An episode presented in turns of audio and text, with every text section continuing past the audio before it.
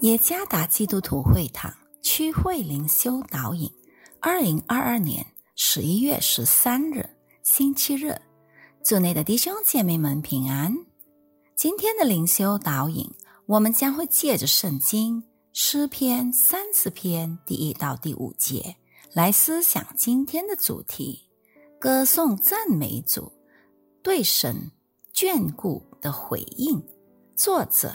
李永峰牧师诗篇三十篇第一节，大卫在献殿的时候作这诗歌：耶和华，我要遵从你，因为你曾提拔我，不叫仇敌向我夸耀。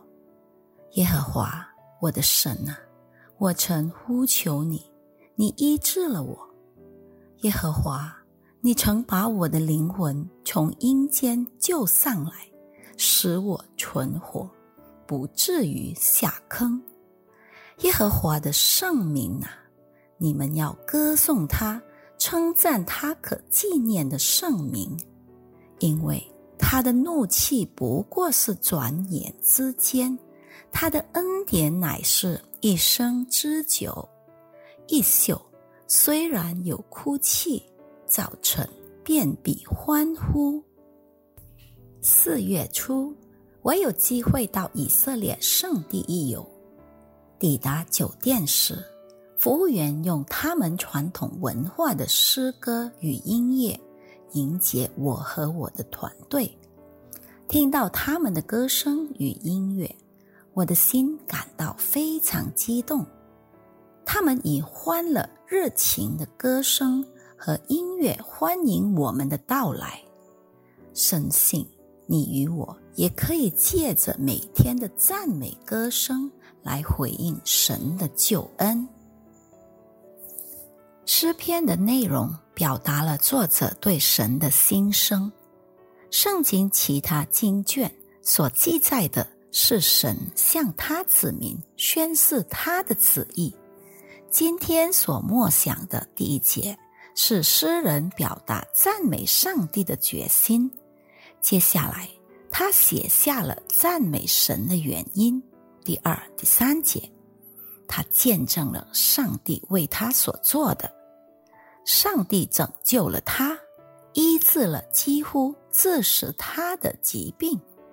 这里的医治 r a b a 可能与身体的健康有关，也可能与。灵命的复兴有关，他用四个动词来描写神的拯救，那就是你曾提拔我，医治了我，把我救上来，让我存活。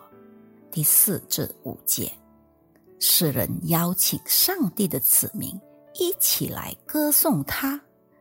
诗人所说的称赞是带有祈使语气。是邀请而非命令。在基督里的我们都是上帝的选民，就如我们已经从死亡的边缘中得拯救、得医治和得痊愈。然而，我们的人生并非没有苦难，就如大卫经历了无数的苦难、压力、挑战，甚至失败。但是他仍然坚定不移的赞美神。同样的，我们这些信徒也需要一心一意的赞美上帝。让我们与诗人一起向上帝献上感恩，赞美基督在十字架上所成就的伟大救恩。来吧，让我们歌颂赞美主，因为这是我们对神。眷顾的回应，愿上帝赐福于大家。